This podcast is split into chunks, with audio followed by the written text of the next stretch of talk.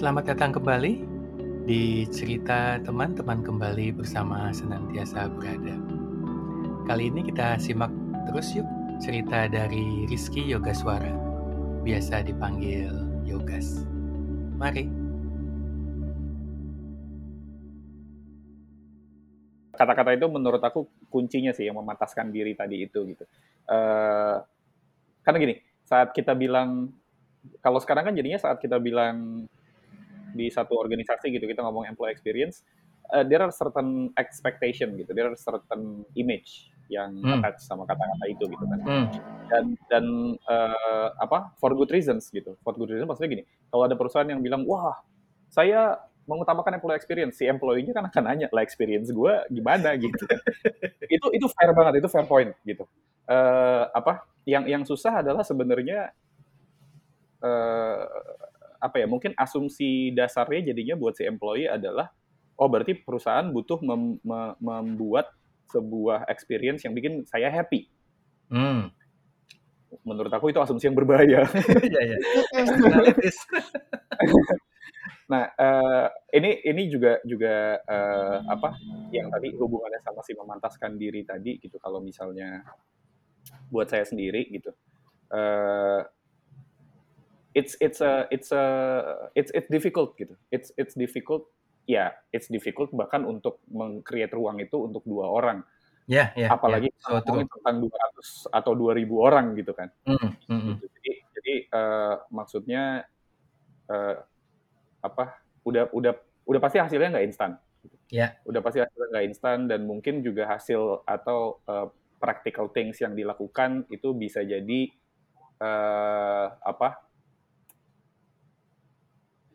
Bukan tidak sesuai dengan yang diharapkan, tapi ekspektasi apa? Uh, I would say uh, struggle-nya harus dimulai dengan mempertemukan ekspektasi. Hmm. Dan saat dibilang mempertemukan ekspektasi itu itu bisa jadi proses yang memakan waktu 2 tahun sampai lima tahun tuh bisa jadi gitu. Ada yang tersinggung di awalnya. Kenapa uh, begini? iya. Iya, jadi uh, apa? Di di kalau di dunia metode gitu kan, hmm, hmm. itu kan memang memang uh, apa selalu dan nggak salah memang seperti itu gitu kan. Kayak oke okay, saat ini ada di mana maunya ke mana ngukurnya gimana gitu kan. Uh, tapi memang viewpoint seperti itu tuh jadinya memang memang kadang-kadang bikin jadi fokus ke hal yang yang salah gitu karena kan begitu kita ngelihat apa yang mau diukur dan uh, tendensi untuk untuk fokus ke sesuatu yang short term itu gede banget gitu lah. Yeah. Godaan untuk kita yeah. kayak short term itu gede banget. Dan jadinya tadi sih yang menurut aku kayak struggle-nya ya tadi hmm. mempertemukan ekspektasi dan saat aku bilang struggle mempertemukan ekspektasi ini bukan sesuatu yang kayak oke okay, ya udah ketemu ini ekspektasinya terus selesai iya iya iya, iya. Ya. ekspektasi yang sini kan begini-begini yang sini juga begini-begini gitu iya iya iya iya, iya. jadi perjalanan tidak pernah selesai gitu sebenarnya belum kalau noleh-noleh tapi di sana Nah. tapi kata si itu ya ya terus, terus. iya nah eh, eh, tapi itu interesting point juga mas karena kan eh, aku kebetulan kerja di maksudnya aku banyak engage sama engineering talent mm, mm, mm, mm. engineering is a very sexy occupation mm, sekarang apalagi sekarang ya hmm. iya mm. sangat gitu jadi kita fair aja marketnya memang begitu mm, mm.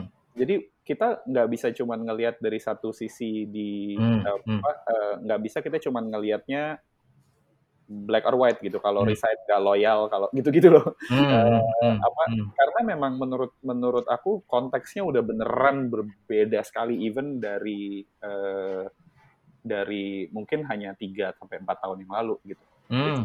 totally different landscape hmm, hmm, hmm. jadi uh, buat praktisi-praktisi hey, yang di di area ini gitu mungkin apa uh, engineering talent dan lain-lain gitu aku kebetulan kan juga uh, apa uh, selama setahun belakang juga banyak aktif di uh, rekrutmen untuk uh, teknologi talent di hmm, beberapa mm, di hmm. Indonesia dan beberapa negara lain gitu mm. uh, buat praktisi-praktisi juga kayaknya harus sangat aktif melihat apa yang terjadi di market gitu Hmm. Ya, hmm. ini sekali lagi jadi klise, klise sih. Tapi hmm. Hmm. cuman kayak harus meng, mengembed dirinya di, oke okay, sekarang tuh sebenarnya kayak gimana sih gitu. Karena yeah. kalau ngomong engineering, engineering dipakai di semuanya. Dari dari perusahaan-perusahaan konvensional pabrik sampai bank sampai startup unicorn sampai apa gitu. Yeah. Nah, this is a very vast landscape gitu dan hmm. hmm. menurut aku jadi software engineer saat ini itu pilihannya banyak banget. Yeah. Walaupun walaupun jadinya memang ada dua aspek. Satu pilihan banyak banget, dua harus memantaskan diri juga gitu. ya, bisa jadi apa yang uh, uh, uh, apa yang diartikan sebagai software engineer di satu perusahaan itu beda wildly different sama yeah, apa yeah, yang yeah. di-expect sama si yeah. perusahaan yang lain gitu kan. Hmm.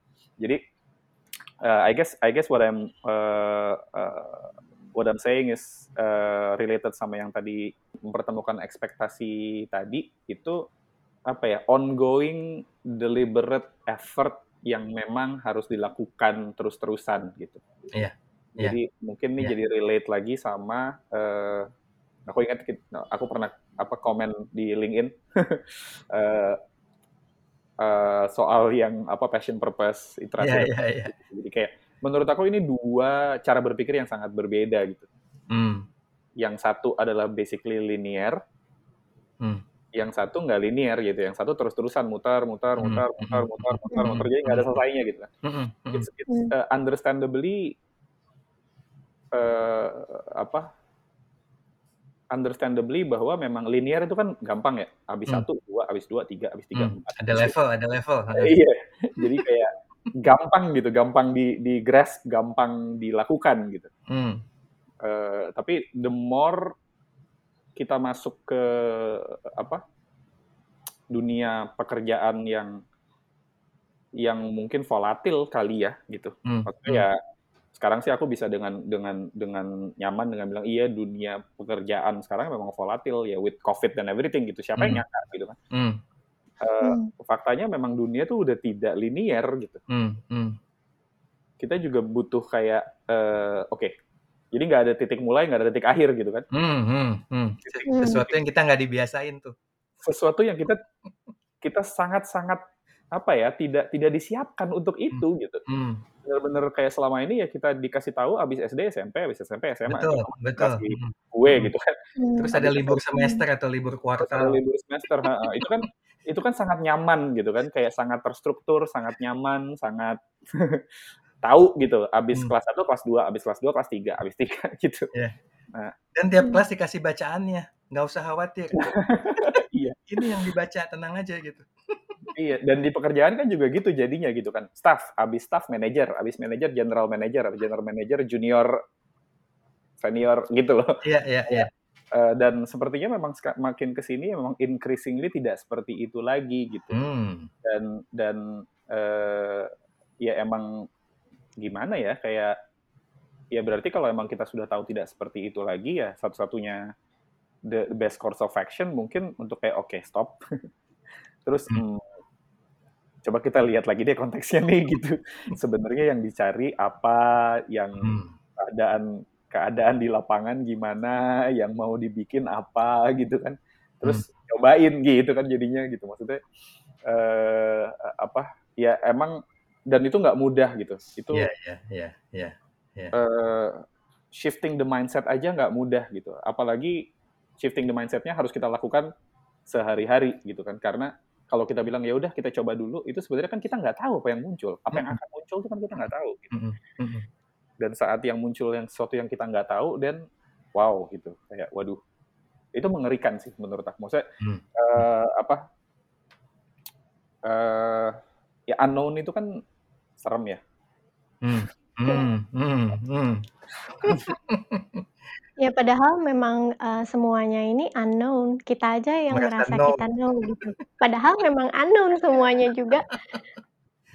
Kita pikir kita tahu padahal belum nah. tentu juga gitu. Oh ini, ini dan, dan kalau kalau aku coba uh, sorry sorry uh, soalnya pas pas pas kamu ngomong yang unknown tadi aku jadi kalau kita balik ke ke awal uh, yang apa tadi kita omongin soal yang latihan fisik terus tadi yang morning pages uh, uh, uh. terus ada ada satu hal yang aku belum cerita sebelum ada ada satu lagi sebenarnya pas yang saran sitting uh, daily itu itu uh, aku sadar ada sakit fisik di di, hmm. di leher. Hmm. Hmm. Yang aku yakin aku nggak akan sadar kalau aku nggak nggak nggak bukan tentang silent sittingnya sih, cuman kan melalui silent sitting kan jadinya kayak hmm. badan ngerasain ya, ini gitu kan. Ya, ya kayak kayak tadi kan itu sebenarnya kayak itu unknown, itu kayak apa ya the illusion of gue tahu badan gue sehat gitu. Padahal mm are you really listening to your body gitu? Iya iya iya. It's the same yeah. concept kan? It's the same yeah. concept bahwa sebelumnya kesehatan ya udah lo sehat, kalau sakit lo minum obat selesai, linear. Gitu. Hmm. Hmm. Padahal kita tahu badan kan kagak kayak gitu ya, kayak ada hmm. there's millions and millions of activities that are happening hmm. in our hmm. body. Hmm. Hmm. Jadinya hmm. dengan dan jadi kalau ditarik jadi konsepnya sama gitu kan stop dan oke okay, rasain gitu. Iya, iya. oh, ya. ternyata yeah. pundak pundak gue kenceng. Ini kayaknya dulu aku pernah ngomong ke Mas Ivan sama Siska deh pas kita ketemu kapan tuh ya? Hmm. Eh, ketemu atau lewat lupa. Pokoknya uh, pernah lah dan, dan uh, apa? Ya kalau kalau yang itu it's it's actually a different story gitu. Aku uh, ketemu apa sempat datang ke apa aku puntur. Hmm. Uh, ya dan sekarang uh, lumayan hilang Hore. Uh, ininya, hore. Tapi ya, sepertinya itu memang memang symptoms to a larger hmm. yang terjadi dengan pikiran, perasaan, badan dan uh, lain gitu. Iya, iya, iya.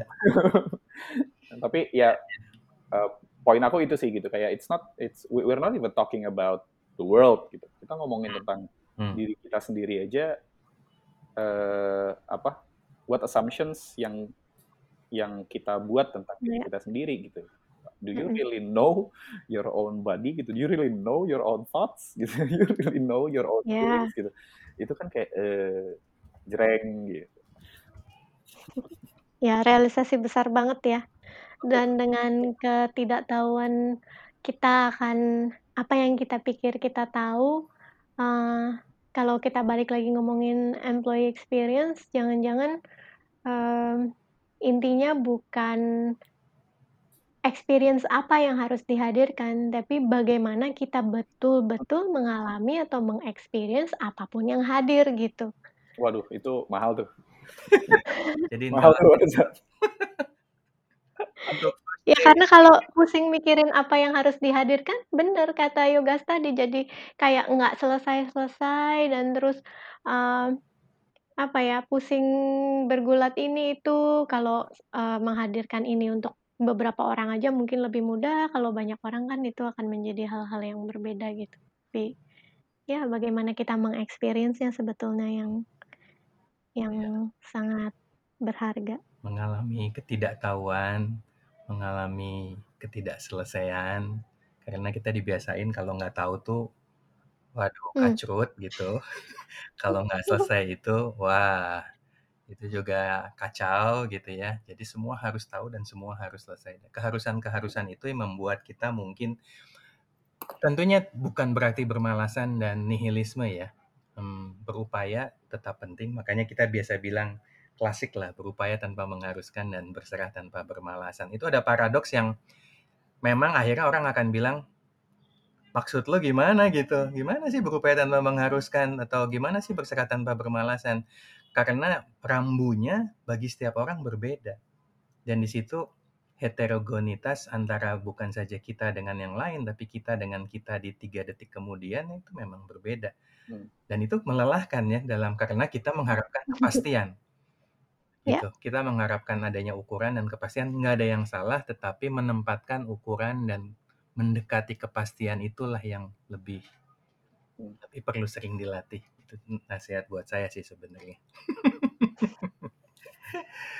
Iya, waktunya ya. sudah terbatas dan banyak terima kasih ya untuk Aduh, saya yang makasih Mas Ivan. Makasih. Ya, selalu selalu apa ya? Selalu energizing sih kalau ngobrol ngobrol-ngobrol lagi dan nggak harus dalam konteks podcast sih. Iya. Bagi-bagi cerita. Buat kami ini cerita penting bukan karena berkaitan dengan berkesadaran, tetapi membumikan proses berkesadaran itu dengan semua ketidakpastian, semua ketidaklengkapan dengan semua ketidaklinearannya. Karena memang ya menjalaninya, mengalaminya dalam keseapadaan bukan seadanya. Yogas, makasih banget sekali lagi waktunya. Um, Thank you, sekali lagi dan berharga banget. Kita banyak, banyak belajar ya, Sis ya. Terima kasih banget, Yogas. Uh, semoga uh, pendengar podcast ini juga uh, ikut seru, ikut belajar banyak seperti kita juga baru saja belajar banyak dari Yogas. Uh, kita tutup sesi episode kali ini dengan jeda tiga nafas.